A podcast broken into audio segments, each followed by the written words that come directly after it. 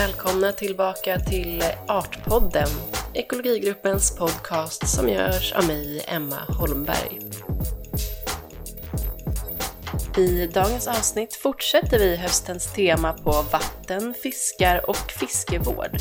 Denna gång med fokus på arten Salmo salar. Med tanke på hur omåttligt populär denna fisk är att såväl äta som fiska så har jag bestämt mig för att göra två avsnitt om två väldigt olika typer av lax. I det här avsnittet kommer jag tillsammans med forskaren Stefan Palm att diskutera vildlax från Östersjön. Medan nästa avsnitt kommer att handla om den odlade laxen i Norge.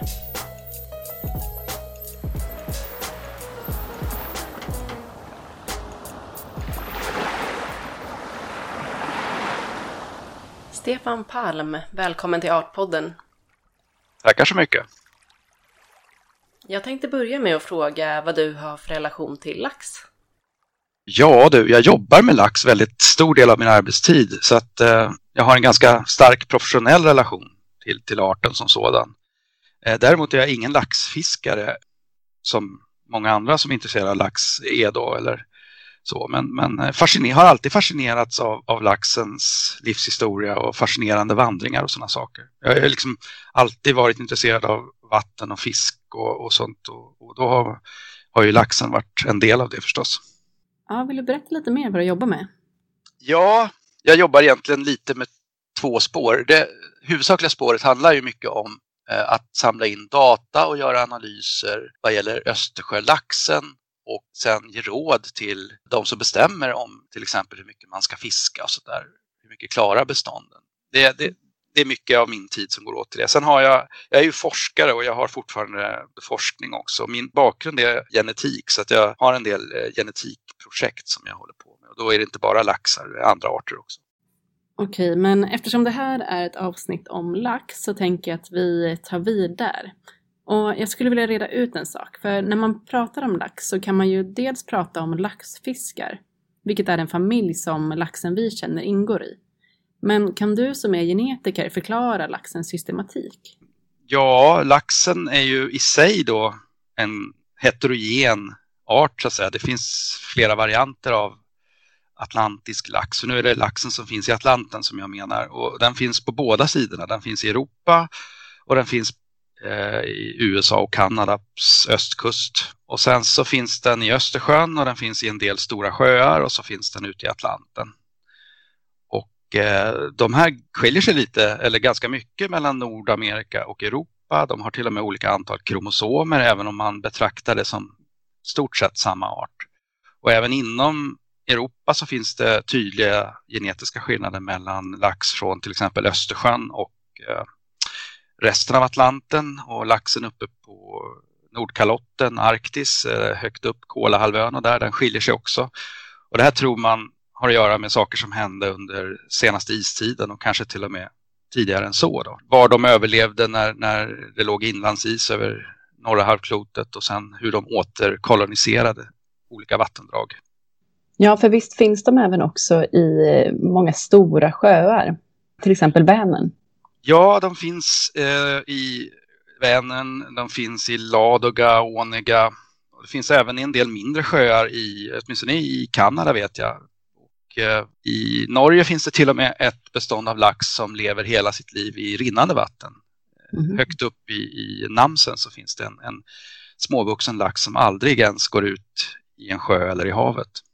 Okay. Men det vanliga är ju att, att äh, lax går ut i, havet eller en stor sjö och, och, där äter den framförallt mest fisk och sen så blir den stor och så kommer den tillbaka för att leka.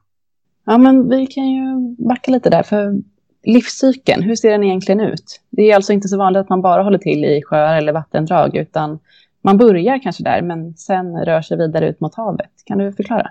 Laxen föds alltid i något form av rinnande vatten. Eh, och där så kläcks de på våren och sen så blir de yngel.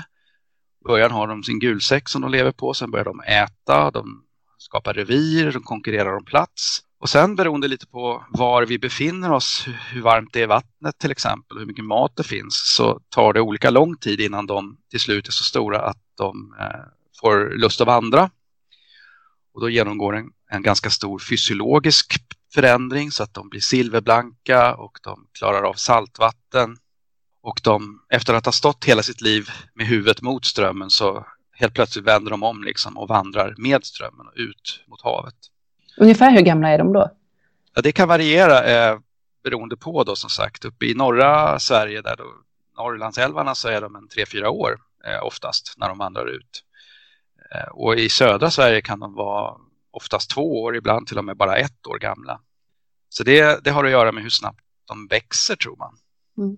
Och det är då de kallas smolt, eller? Ja, precis. Eftersom de blir så annorlunda i sitt utseende och beteende så har de fått ett eget namn. Så de kallas för smolt. Tidigare så, så är de kamouflagefärgade eh, så att de ska liksom kunna gömma sig bland stenar och sånt där mot predatorer, mot andra arter som vill äta upp dem. Då kallas de för stirr. Mm. Okay. De har sådana kallade stirrfläckar på sidan som, som förmodligen är väl ett slags kamouflage. Då. Märkliga namn. Stirr ja. och smolt. Ja. ja. Okej, men sen då? då? Den vänder den, simmar med medströms nu istället då, för motströms. Ja, och så kommer den ut i havet och eh, där ska den då försöka hitta något att äta och undvika att bli uppäten. Det blir många som vill äta upp de här smolten på vägen ut och de är fortfarande väldigt små. De är ju någonstans mellan, ja, säg 10-15 centimeter de flesta och eh, det finns gäddor det finns fåglar och det finns eh, andra djur som vill ha dem. Eh, men de kommer ut i havet och i början så äter de mycket samma sak som de gjorde uppe i vattendraget. Alltså smådjur, in, ytinsekter, små kräftdjur. Men sen ganska snart så börjar de att äta små fisk, eh, framförallt strömmingsrekryter då, årets yngel av strömming. Eh, sen vandrar de då, om vi tar nu norr, Norrlandslaxarna som exempel här, så vandrar de söderut längs kusten och eh, börjar som sagt äta fisk och de börjar växa. De växer ganska snabbt. Och sen så småningom efter ett halvår, ett år så, så befinner sig de allra flesta nere i södra delen av Östersjön och har då blivit eh, flera decimeter långa. Och då kallas de ja, inom forskarsammanhang för postsmolt. Alltså de är inte smolt längre men de är inte heller vuxna. Och där eh, ja, så fortsätter de att, att leva på fisk. Skarpsill, strömming, spigg framförallt. Tills de är lite, ja det är lite olika då. En del, framförallt hanar kan vandra hem redan efter en vinter i havet. Då är de fortfarande ganska små då. Mm. Det där varierar lite från år till år och från älv till älv hur många sådana här tidiga hanar som kommer tillbaka. Men eh, annars stannar väl honorna, de stannar ofta minst två, tre år innan de vandrar tillbaka. Och laxen växer väldigt snabbt. Det är faktiskt en, en av våra mest snabbväxande fiskarter så att bara på några år i havet så har den kunnat bli över en meter lång. Då. Mm. Sen blir de könsmogna och vill vandra hem och då, som jag tror de flesta lyssnare känner till, så är ju laxen erkänt duktig på att hitta tillbaka till sin födelseälv. Mm. Eh, och den använder förmodligen många olika sinnen för att hitta. Då. Det finns studier som tyder på att de använder jordmagnetism och eh, när de kommer närmare älven så använder de lukt på vattnet. Och när de tar sig upp i älven kan de till och med använda synen påstås det för att orientera sig. Så att det finns exempel på att de, de kan komma tillbaka och leka i nästan samma fors som de är födda. Det stämmer ju inte alltid det här. Okay. Men, men i grova drag så de är väldigt duktiga på att vandra tillbaka. Och hur långt har de vandrat då ungefär? Det är jag antar att det skiljer sig åt, men... Ja, det skiljer sig väldigt mycket åt. I Östersjön så vandrar laxen egentligen inte särskilt långt. Då. Även om vi kan tycka att det är långt från norr till söder så, så laxarna ute i Atlanten, de kan ju vandra från till exempel svenska västkusten ända upp till mellan Island och Grönland och det, det är väldigt många hundra mil det. Mm. Sen simmar de ju runt dessutom under flera år då och letar mat innan de bestämmer sig för att simma tillbaka så att Ja, jag vet inte hur långt ett eh, laxliv kan bli i kilometer. Det har jag faktiskt aldrig räknat på, men det, det bör bli väldigt långt med tanke mm. på att de simmar väl oavbrutet mer eller mindre. Och varför vill de tillbaka till samma ställe då? Eh, det är en bra fråga. Eh, den rådande synen är väl att det finns en hel del fördelar med det. Alltså att det är inte till att börja med bara laxar som gör detta. Det förekommer faktiskt hos många andra eh, arter också. Även om laxarna är liksom lite välkända på det här området kanske lite extrema på det. Men de är uppvuxna i en miljö som uppenbarligen är bra, fungerar. Så att eh, på det sättet så finns det ju fördelar med att, att simma tillbaka. Mm. Sen så tror vi också, eller vet vi väl mer eller mindre också, att, att eftersom laxälvarna eh, då inte är riktigt lika heller vad gäller miljö så, så blir det också så att laxarnas genetik anpassas på sikt efter den lokala miljön. De får något vad vi kallar för lokal anpassning som gör att de är extra välanpassade till att växa upp i just sitt eget vattendrag eller åtminstone just den delen av, av landet. Sen är det mm. inte alla som faktiskt återvänder hem heller, utan det är en liten andel som, som eh, går upp i något annat vattendrag. Oftast blir det i något vattendrag som ligger i närheten av det födelseplatsen. Då, då. Och, eh, det där tror man också är, är fördelaktigt, därför det betyder att inte varenda laxälv blir helt genetiskt isolerad från de andra älvarna, utan att det förekommer ett visst utbyte av, av gener mellan dem. Då undviker man en del risker med eh, för mycket inavel. Och dessutom så måste det ju vara på det sättet som arten sprider sig också och har mm. spritt sig. Annars skulle ju liksom inte laxen ha återkoloniserat de älvar som skapades efter att isen drog sig tillbaka. Just det. Ja, det låter ju som ett väldigt bra knep att komma undan inaveln. Flytta sig i alla fall några kilometer bort från den gamla släktfesten. Ja, annars blir det liksom bara stora släkter i varenda by då, så att säga, eller varje älv. ja. Okej. Okay. Men hur, för det här påminner ju lite om öringens livscykel. Hur, hur skiljer de sig åt? Ja, du har rätt i att de, de har ju väldigt mycket likheter. Och de anses ju också vara varandras närmaste släktingar, även om de har varit olika arter förmodligen under flera miljoner år. Då. Mm. Men eh, öringen beter sig ju i grova drag på precis samma sätt. Alltså att den är duktig på att eh, vandra och den är duktig på att återkomma till sin födelseplats. Eh, men den är samtidigt mycket mer flexibel. Det finns Öringar kan leva of, mycket oftare än laxen kan leva hela sitt liv i rinnande vatten eller i väldigt små vatten. Alltså det finns mycket öring som aldrig vandrar långt och som aldrig blir storvuxen för att den aldrig börjar äta fisk till exempel. Samtidigt så finns det också större flexibilitet så att i en större älv till exempel så kan du hitta öringar som lever hela livet i något litet biflöde, andra som går ut i älven men aldrig går ut i havet och ytterligare andra som vandrar ut på kusten och blir stora, stora och kommer tillbaka några år senare. På samma plats, liksom. de kan leka tillsammans med varandra också. Just det, det förekommer också att eh, lax och öring parar sig. Ja, det gör det.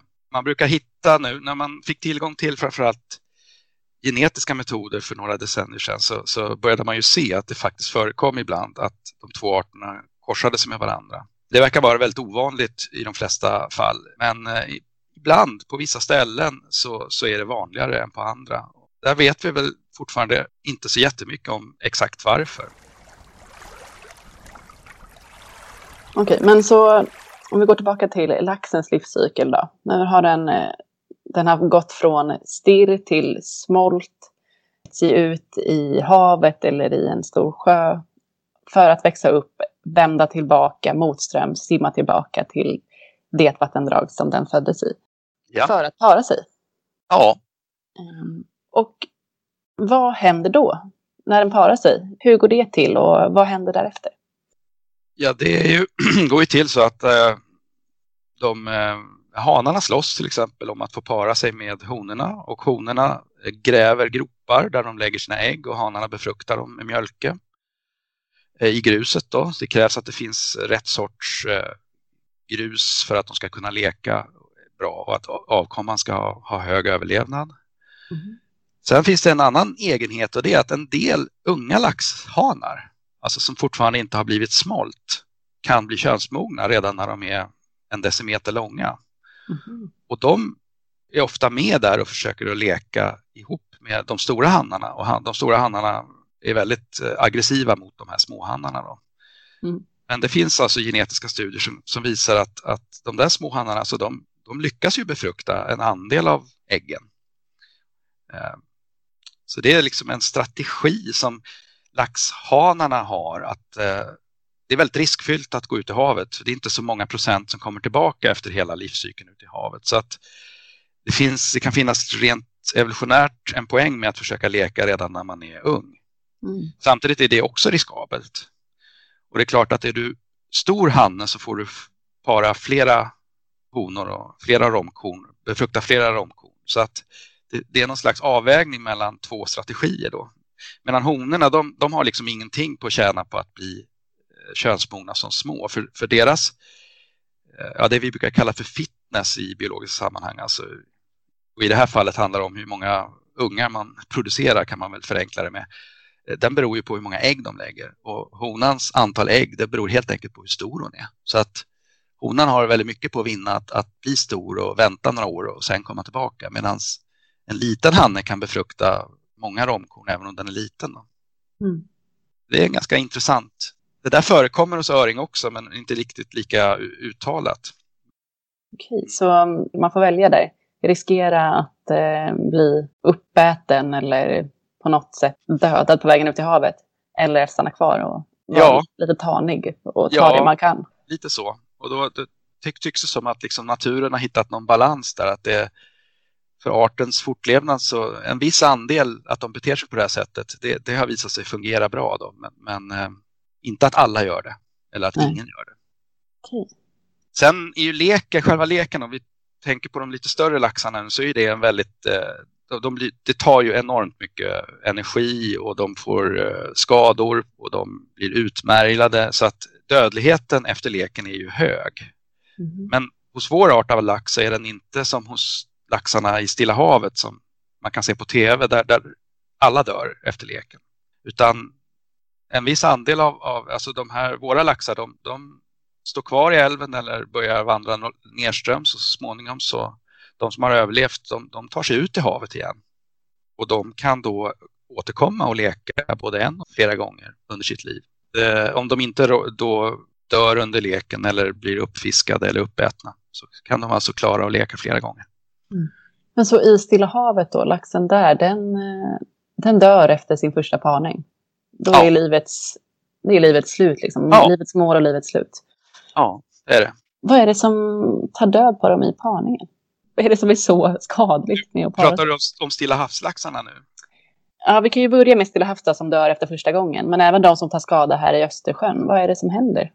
Ja, men när det gäller stillhavslaxarna så tror jag det är så att de har helt enkelt hittat en strategi att de sätter allt på ett kort. De liksom, allting går åt till att lyckas leka, producera könsceller och leka och sen finns det liksom ingenting kvar som gör att de, kan, de klarar inte att överleva helt enkelt. Eh, exakt vad som händer i deras fysiologi, det, det, kan jag faktiskt inte svara på. Men när det gäller våra laxar så, så är det väl mera det att de helt enkelt blir kraftigt utmärglade, de kan bli skadade, de, får liksom, de kan få svampangrepp för att de har fått sår i huden eller för att de har blivit bitna eller, eller för att de bara har lekt, alltså grävt i gruset och sådana saker.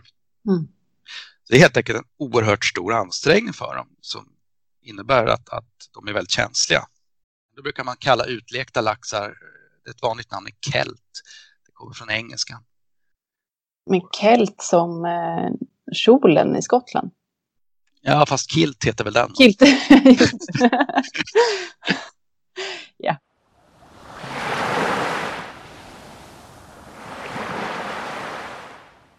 Vi kan ju ta en liten historisk resumé vad gäller Östersjölaxen. Då. Så Ursprungsvis så fanns det ju då lax i ja, säkert omkring 100 eller drygt vattendrag i Östersjön. Det är inte alltid helt säkert exakt, inte alltid de historiska källorna är glasklara, men säg ett hundratal vattendrag runt hela Östersjön.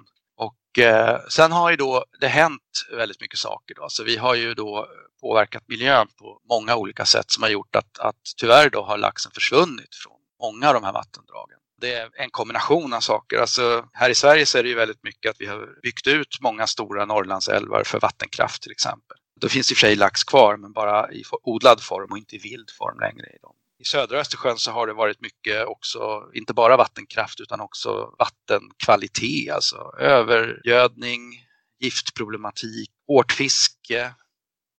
Gäller alla bestånden också. Mm. Så att man kan väl säga att det här var Om vi går tillbaka till 1800-talet så fanns det väl, så var det väl någon slags lite mer ursprungligt eh, skick på laxbestånden. Sen under första halvan av 1900-talet då, så började man att dels då bygga ut för vattenkraft. Flottning av timmer var en faktor som påverkade laxen väldigt, väldigt mycket. Alltså man, för att få ner eh, timret från skogarna ut till kusten så, så har man ju alltså byggt om älvarna i enorm skala genom att flytta sten och grus och, och så vidare. Och det här har ju då förstört många uppväxtområden för laxen som, som mm. gjorde att produktionen av lax sjönk. Sen kom de här riktigt stora vattenkraftsutbyggnaderna på mitten av 1900-talet när de flesta av de stora älvarna i Sverige och Finland byggdes ut. Och då ersatte man det man bedömde som mängden naturlig produktion tidigare då med utsättning av odlad lax då för att fortfarande ha kvar arten och kunna kompensera då för, för den skada man hade gjort på laxbestånden. Och den här odlingsverksamheten var ju väldigt framgångsrik så det började bli väldigt mycket odlad lax ute i havet och eh, fisket tog en eh, fart. Det kom bättre redskap, bättre båtar och eh, fisketrycket blev helt enkelt väldigt högt. Och det här blev en ännu större stress eller påverkan på de vilda laxbestånden som de minskade ännu mer. Eh, sen eh, fick laxen problem med hälsan också under senare då under 70-80-talet. Eh, så att under 90-talet kan man väl säga så var det väl den absoluta botten för de vilda laxbestånden. Då fanns det inte mycket vildlax kvar i Östersjön överhuvudtaget. Det var, det var så illa att man faktiskt började befara att många laxbestånd skulle kunna dö ut om man inte gjorde någonting radikalt. Men då gjorde man en hel del på internationell och politisk nivå så att man, man eh, började och dels så började man att eh, reglera fisket hårdare. Parallellt så började man åtgärda älvmiljöerna och återställa skadorna från flottningsepoken, för den var ju över då. Och sen hände det lite senare ytterligare så alltså lönsamheten i fisket blev inte lika hög. Eh, miljögifter i laxen blev uppmärksammat så marknaden blev inte som den var. Och sen har vi sett en återgång sen sista, ska vi säga, 20 åren där eh, de vilda laxbestånden, åtminstone i norra Östersjön, nu har återhämtat sig till stor del. Inte helt, men, men de, vi har haft en positiv utveckling. Så det finns mycket mer lax idag än vad det gjorde på 90-talet. Mycket mer. Ja, det är väldigt kul att höra. Men eh, det gäller inte alla vattendrag och problemen är särskilt stora fortfarande nere i södra Östersjön. Eh, där är det väl dels att fisken påverkas av fiske ute till havs men också att det finns lokala miljöproblem också i många vattendrag. Alltså det är helt enkelt vattenkvalitet och, och det är dessutom varma somrar också som gör att det är ännu tuffare för laxen och, och en del tjuvfiske på vissa håll också. Och så så det, det, det är komplext att eh, försöka komma till rätta med det. Men, mm. men på det stora taget kan jag tycka att det, det har ju väl, varit väldigt positiv utveckling i alla fall. Eh, men vi är långt ifrån ändå, om vi pratar om 1800-talet och situationen för lax i Östersjön. Ja, då skulle man ju behöva plocka bort alla kraftverksdammar. Och, men det skulle ju få enorma konsekvenser för vår elproduktion. Så det, det, ja, precis. Den är klurig. Dit, dit, tror jag inte vi kommer, men man får ju liksom, eller inte ens vill komma, men, men det är ju eh, de älvar som finns måste vi ta hand om. Och, eh, Sen finns det fall där, där man absolut kan göra åtgärder för att eh, hjälpa laxen att återkolonisera delar ovanför dammar och sådär också. Det är inte så att man alltid måste plocka bort en damm. Man kan också åtminstone återfå någonting genom att hjälpa fiskarna att vandra upp och ner förbi också. Mm. Ja, men jag tänker vi kan väl gå igenom de, de största hoten gentemot, ja, men om vi fokuserar nu på Östersjölaxen i dagsläget och vad, man, ja, vad, vad du som forskare förespråkar för typ av åtgärder för att komma till bot mot de här. Vi kan ju börja i kraftverken. Vill du redogöra? Vad är det som egentligen påverkar laxen här? Vad händer med lax när, det, när man bygger ett vattenkraftverk i en älv? Det beror lite på var det står och hur det fungerar. Men, men de här Norrlandsälvarna som man totalt byggde ut så att säga. Vi kan ta Luleälven som exempel. Men där, där har man en damm bara någon, några mil från havet det finns egentligen inga lekområden alls och fisken har inga möjligheter att vandra. Liksom. Och där, där, finns det, de älvarna har ingen potential om man inte gör något oerhört radikalt. Då. Samtidigt som de är vikt, väldigt viktiga för vår elproduktion. Då. Sen har vi ju då ett antal outbyggda älvar och de, de har ju ingen vattenkraftsproblematik alls. Sen har vi en del älvar med vilda laxbestånd som har påverkan av vattenkraft också. Där fisken för att hitta lekområdena då måste ta sig förbi, inte alla kanske, men om de vill komma upp i de översta delarna så måste de ta sig förbi dammar. Och där har man byggt fisktrappor eller så kallade fiskvägar som är som ett litet sidoflöde med sten och grus och sånt. Och eh, då är det ju viktigt att de där fungerar så som de är tänkta då. Det gör de inte alltid. Men eh, där händer väldigt mycket vad gäller kunskap om hur man ska projektera och bygga sådana saker.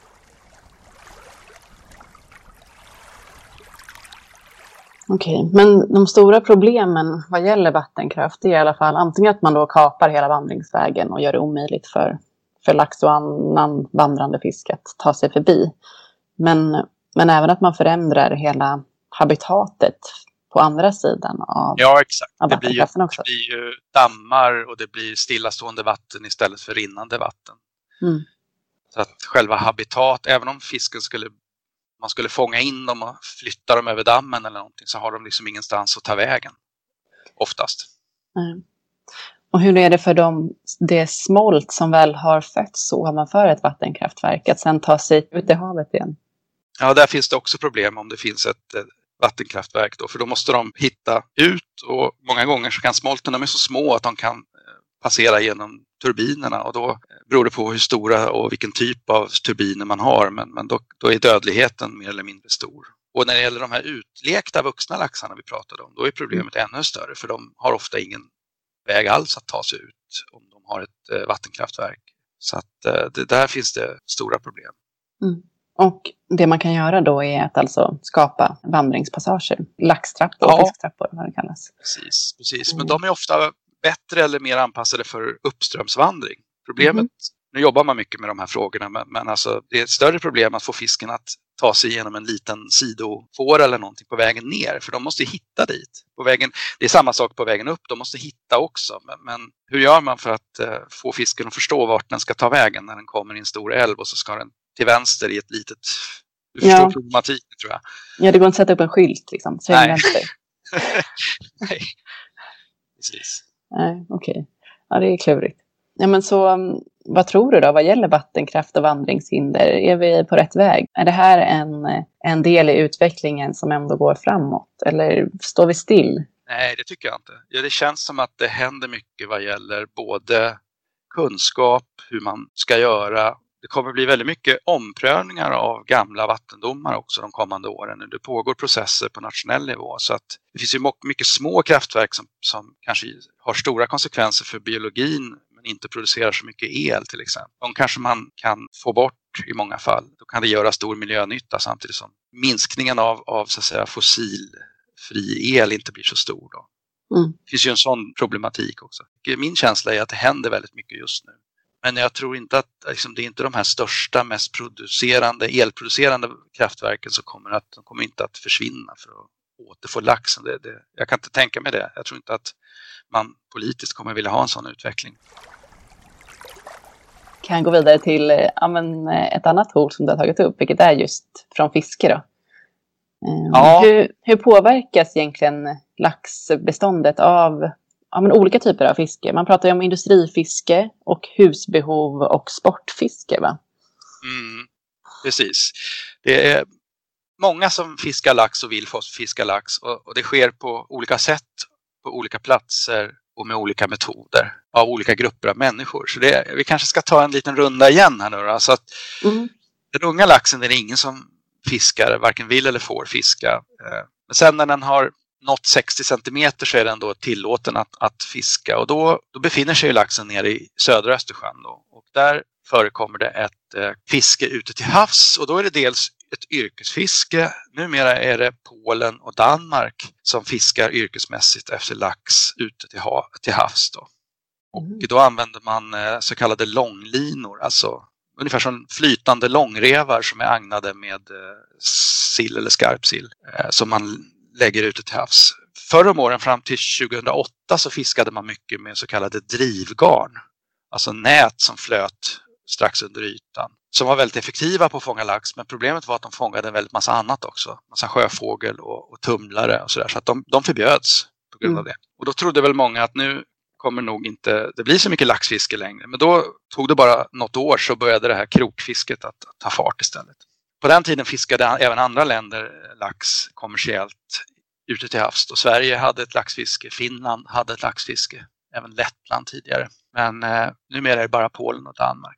De har ett fiske i havet efter allt som finns där. Och lax finns och har alltid funnits utanför deras kust. Och eh, då tycker de att det är naturligt att vi fiskar lax precis som vi fiskar torsk eller flundra eller mm. sill.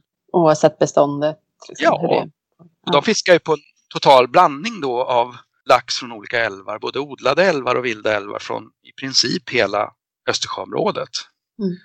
Och det där är intressant eller komplicerat för då, för då är det en blandning av bestånd som ska fiskas upp, de odlade laxarna, det är liksom deras huvudpoäng. Mm. Och sen är det vilda laxar från små svaga bestånd som inte borde fiskas alls. Och sen är det från stora bestånd som numera mår ganska bra där man kan, kan fiska uthålligt. Och de här kan man inte skilja åt utan man fiskar liksom på allting på en gång. Det kallar vi för ett blandbeståndsfiske. Sen är det inte bara yrkesfiskare som fiskar lax i södra Östersjön utan det förekommer även ett eh, sportfiske efter lax. Då åker man ut med småbåtar och eh, ägnar sig åt så kallad trolling. Man drar alltså sina beten efter båtarna. Då. Man har massa spön och så kör man långsamt.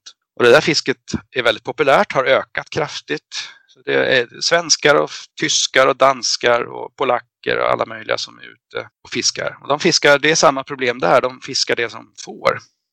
Mm. Där finns det inga fiskekvoter som begränsar idag hur mycket de får fiska. Däremot har Sverige som enda land hittills bestämt att fiskar man med trolling får man inte behålla vilda laxar, man måste släppa tillbaka dem. Men det har inte de andra länderna följt än så länge. Okej. Okay. Så det förekommer verkligen olika reglering på fisket i Östersjön? Ja, det gör det.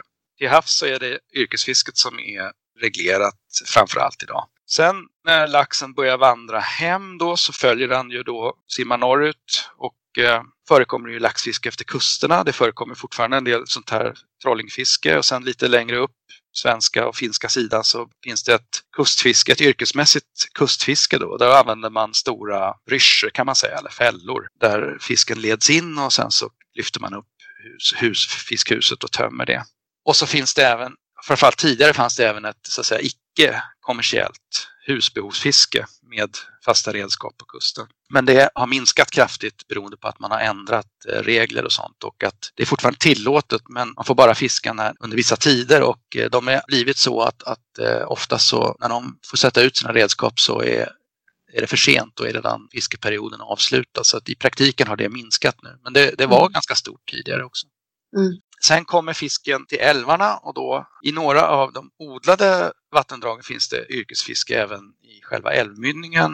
Men i de vilda finns det inget yrkesfiske. Däremot finns det ju då ett eh, sportfiske som ser lite olika ut beroende på älvar. Då. Det är mycket spöfiske från land eller från båtar. Eh, I Tornälven som är vår största laxälv, där finns det även eh, ett visst nätfiske, notfiske också, hovfiske efter lax. Mm som är tillåtet under vissa dygn bara då för att liksom begränsa fisketrycket. Så det är många som vill åt en lax innan den har kommit fram till sin lekplats och lekt. Ja, herregud. Ja, men och det är här eh, man börjar undra. Vad finns det för siffror på hur många det är som laxar som faktiskt lyckas ta sig tillbaka? Alltså, det varierar. Vi räknar vetenskapligt hur mycket lax som återvänder till en del älvar, men det finns inte möjlighet eller pengar att göra det överallt. Och det finns också problem ibland att, att rent tekniskt eh, räkna fisk. Det är inte så lätt som det kan låta kanske. Eh, I vissa vattendrag där laxen måste passera en fisktrappa, där sitter det ofta numera räknar, räknare som en slags tunnel som fisken simmar igenom där man har en kamera så att man ser vad det är för typ av fisk och vart den är på väg och hur lång mm. den är och så. Men eh, ofta sitter ju de här räknarna inte vid mynningen utan de sitter ju en bit upp i vattendraget så man och finns det då lekområden nedströms så, så får man ju inte all fisk med där. Man får en, en, en slags an, liten andel, eller, eller, liten eller stor andel av all fisk som går upp. Då. Okay. Och hur stor ser den ut i relation till hur många som faktiskt ger sig av? Ja, det är ju då så här att de flesta laxar kommer ju aldrig hem. Och det vi inte har pratat om så mycket hittills det är ju att det är inte bara fiske som gör att laxen inte kommer hem utan det är också naturliga dödligheter ute i havet. Då. Framförallt verkar det som att väldigt mycket lax dör redan under första året, första vintern ute till havs när de fortfarande är ganska små. nu våra skattningar säger väl att kanske någonstans 15 procent av alla laxar fortfarande lever efter första vintern i havet. Så 85 procent har dött. Oj. Eh, och det där vet vi inte exakt vad det är. Hur mycket av dem som beror på att de blir uppätna eller att de svälter eller att det är andra orsaker. Men vad vi gör är att vi, vi räknar på vissa ställen hur mycket smolt som lämnar älvarna. Och sen har vi siffror på hur mycket som fiskas upp och sen har vi siffror på hur mycket som kommer tillbaka i vissa fall. Och då, det som fortfarande fattas i den ekvationen, det, det måste ha försvunnit på något annat sätt. Då. Och då tolkar vi det som att det är naturlig dödlighet som vi kallar det för. Okay. Så det handlar inte om att de fastnar i en turbin till ett vattenkraftverk eller fiskas upp? Utan Nej, då, nu pratar det... jag om det som händer från det att de lämnar älven tills de kommer tillbaka igen. Då. Så det, mm. det, det, är saker som har hänt ute till havs. Att de blir uppätna av fågel ja, och Ja, eller kanske att de också svälter. Alltså, det kan nog vara en kombination av, ja det tror väl de flesta att det är en kombination av faktorer. Så att det är liksom saker som vi har svårt kanske att påverka, åtminstone på kort sikt som människor. Men fisket är lättare att styra. Men mm. man ska vara ärlig och säga att, att största delen av dödligheten är inte fiske faktiskt i havet utan det är andra saker. Ja, jag har också läst att eh, Östersjölaxen har drabbats av svampangrepp. Hur står det till på den fronten? Har man lyckats göra någonting åt det här? Eller vad är det som... Eh, kan du berätta lite om den här svampen som angriper Östersjölaxen? Ja, det, det, är någonting som då, jag, jag, beskrev tidigare utvecklingen som positiv, men det här är någonting som är negativt och som, som är oroande och som har skett under senare år då. Det började väl egentligen 2014 i några älvar då att man såg att det var mycket fisk som fick svampangrepp när de hade vandrat upp i älvarna och eh, betedde sig konstigt och dog och låg längs stränderna och luktade illa. Det verkar vara så att de kommer från havet med någonting som har påverkat deras hud. Alltså de har någon form av rodnader, hudskador och sen när de kommer upp i sötvatten då kan svampsporer börja gro där och då får de ett svampangrepp och då blir det som vitluddigt så att säga där de, där de får de här angreppen. Och när det här svampen väl har börjat då få fäste då är det kört. För då, då till slut vad som händer är att hela osmosen, alltså saltbalansen hos fisken pajar så att de klarar inte att reglera den utan då dör de ganska snart. De hinner aldrig leka då alltså. Att lax får svamp är i och för sig inget nytt. Det, alltså jag pratade om utlekta laxar tidigare, så, alltså fisk med skador i slemskikt och skinn och så, de kan få svamp. Då. Men, men här har de skador redan tidigt då, kommer från havet. Och det tråkiga här är att vi inte vet orsaken till det här ännu, även om det forskas på det från olika håll. Det finns idéer om att det kan vara något form av virus kanske, men det är ingen som har kunnat visa det än. Det finns andra idéer också. Men mm. någonting är det som händer ute till havs av allt att döma. Och det är dessutom väldigt jäckande på så vis att det kommer och går så att det kan se, se väldigt illa ut i vissa älvar och vi har inte några indikationer nästan alls från andra. Det kan komma stort angrepp ett år och sen kan det vara nästan borta nästa år och sen kan det komma tillbaka. Det är mycket frågetecken här vill jag säga och tyvärr då är det så att så länge man inte vet vad egentligen det här handlar om så kan man inte göra så mycket heller eller mm. ingenting. Och även om vi skulle veta exakt vad det var så är det inte heller säkert att vi kan göra något. Åtminstone inte på kort sikt. Men de flesta verkar ändå tro att det har att göra med alltså vad laxen äter eller har för sig ute till havs och att det har någonting med Östersjöns miljö att göra. Men det kanske inte bara är ett Östersjöproblem heller för det, har, det finns även ute i Atlanten eh, numera. Det finns södra Norge, brittiska öarna, väst, svenska västkusten. Så att det är väldigt mycket frågetecken. Men, men där det har drabbat laxen så har det verkligen drabbat den ordentligt. Sen kanske det är flera saker på en gång för det finns en annan orosfaktor också. Det är att det finns även från ställen där man alltså märker fisk för att se hur många som lyckas ta sig förbi fisktrappor så, så har man även märkt mycket fisk som inte har några sådana här hudskador. Och till skillnad mot tidigare så beter de här laxarna numera väldigt konstigt. De verkar vara orkeslösa, så de dör inte. Men de vandrar inte mer än en kort bit och sen står de där och sen så småningom så går de ut ur älven. Om det här är liksom två sidor av samma mynt eller två olika problem, det vet vi inte heller. Alltså orkeslös fisk respektive hudskador. Men det drabbar inte jämt, inte alla älvar, inte varje år. Så att eh, det är väldigt svårt att greppa tycker jag. Vi har också väldigt dåliga data på hur stor andel av bestånden i de här aktuella fallen som egentligen har drabbats. Det är inte så lätt att ta reda på. Vi får väl se. Jag hoppas ju att vi kommer att förstå mer om vad det här handlar om framöver. Men som jag förstod det rätt då, när en lax har parat sig, den här smolten som beger sig ut då till, till havet, av de som når havet kommer endast 15 procent tillbaka till sin älv. Nej, Nej, Nej. Det, var, det, var, kanske lite förenklat. 15 procent överlever första året. Sen okay. börjar man att fiska på dem och då försvinner mm. det ytterligare en andel. Och sen är det även så att en del vuxen lax också dör, till exempel blir uppätna av sälar eller får sjukdomar. Mm. Så att eh, i slutändan så är det väl kanske, ja, ja, nu ska jag vara försiktig med att säga en siffra här, men grovt då, mellan 5-10 procent högst, 5 procent kanske som kommer tillbaka till älvmynningen av alla smolt. Jag skulle gissa att det är någonstans där.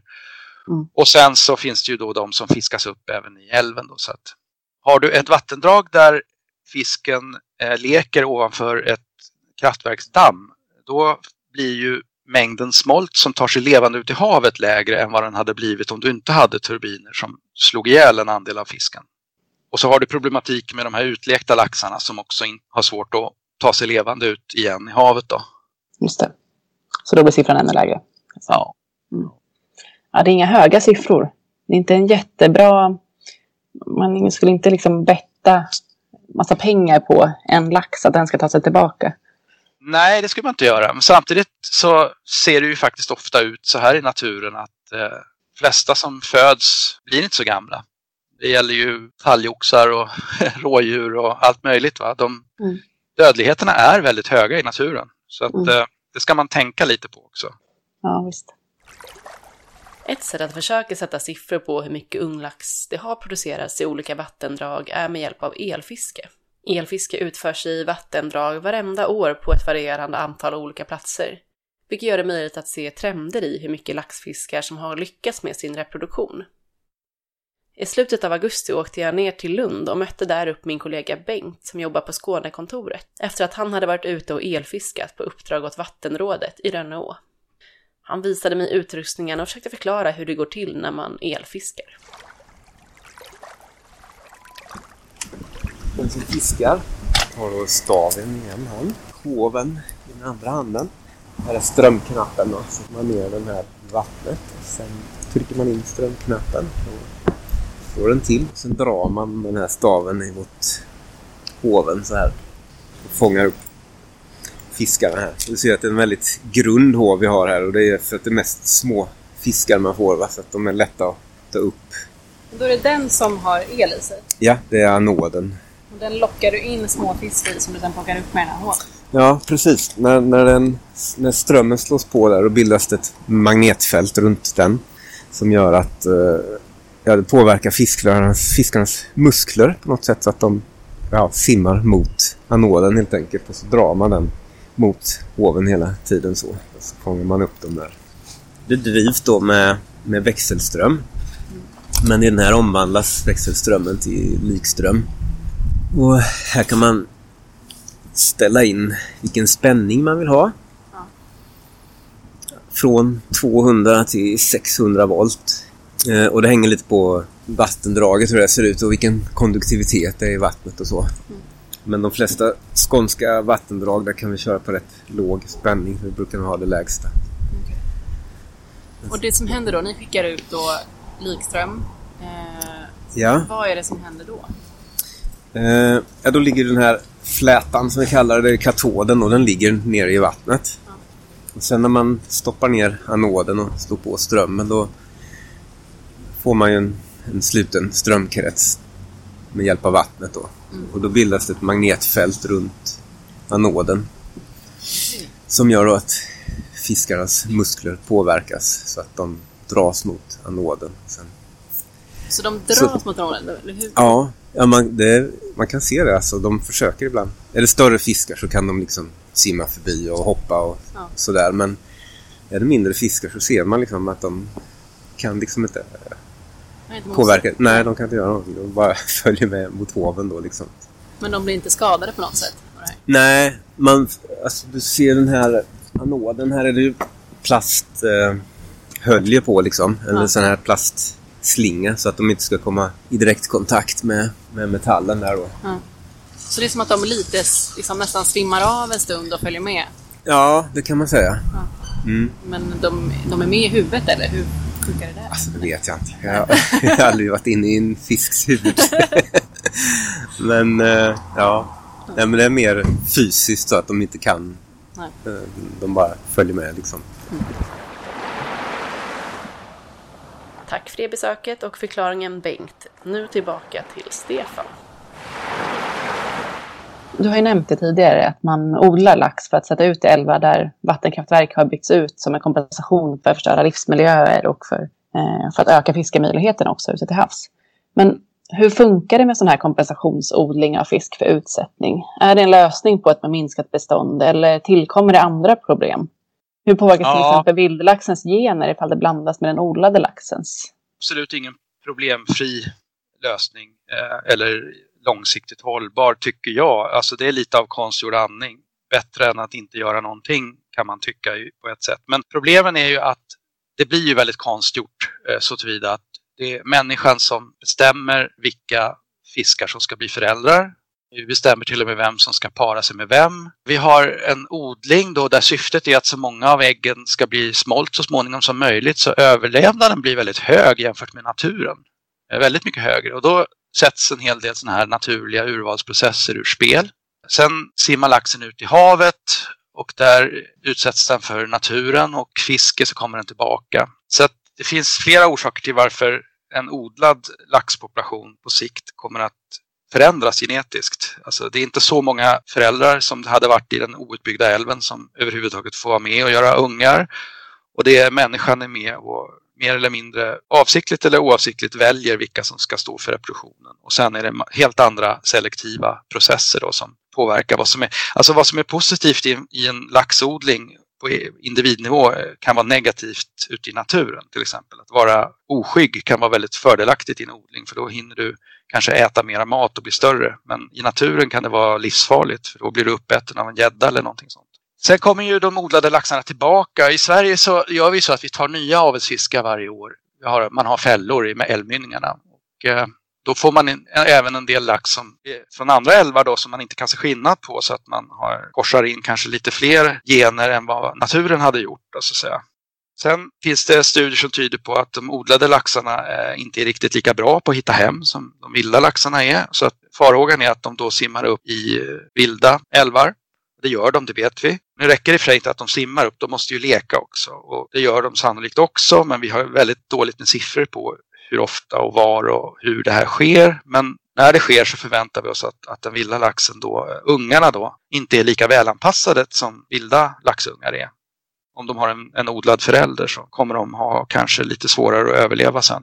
Och så blir skillnaderna mellan olika, de genetiska skillnaderna mellan olika älvar kan bli mindre och mindre då. Men det är fortfarande mycket vi inte vet om hur, alltså att, att det är ett, ett hot och ett problem, det tycker jag inte det råder någon tvekan om. Men däremot så när det gäller att sätta siffror på hur stort problemet är, var och när, där är vi fortfarande mycket som vi inte vet.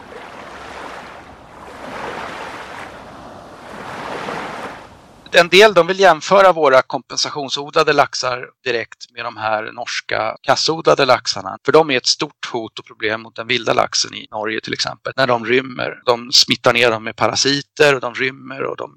Men den jämförelsen är inte riktigt korrekt tycker jag. Därför att de är avlade under många generationer väldigt hårt mot vissa egenskaper. De består av en avsiktlig blandning av en väldig massa olika stammar. Eh, och de är aldrig utsatta för någon naturlig process. Så den, det går inte bara direkt. Även om det är samma typ av hot och problem så kan man inte direkt säga att det är lika stort problem som, som med de här kassodlade fiskarna som, som rymmer då i förfärande antal ibland. Ja, och som sagt, i nästa avsnitt om Artpodden kommer vi att fördjupa oss ännu mer i frågan om norsk laxodlings påverkan på vildlax och ekosystemet till havs.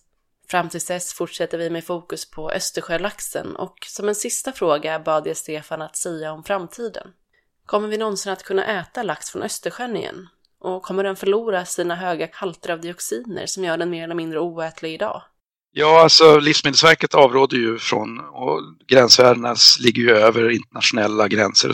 Men, men samtidigt så, så, vad jag förstår så sjunker ju halterna av dioxiner och eh, PCB och sånt i, i feta fiskar i Östersjön. Fast det går väldigt långsamt. Mm. Så har vi tur så fortsätter den här utvecklingen så att eh, lax och annan fet fisk från Östersjön blir mer och mer så att säga, lämplig föda för människor framöver. Mm. Sen beror det på då till exempel hur gammal du är och vad du har för kön och sånt där, hur, hur farligt det är. Så är du, är du eh, lite äldre som jag då, då är det inte riktigt lika problematiskt som om du är barn eller, eller ung kvinna i fertil ålder till exempel. Nej, precis. Eh, nej, jag har ju lärt mig att jag inte ska äta det då. Ja. Som ung kvinna som vill, kanske vill ha barn någon gång i framtiden. Det går ju bort. Så här eh, miljögifter de har ju en tendens då tyvärr att ackumuleras högt i näringskedjorna hos, hos toppredatorer då som ja, laxar och även havsörnar och sälar och sådär. Och människor då? Och människor.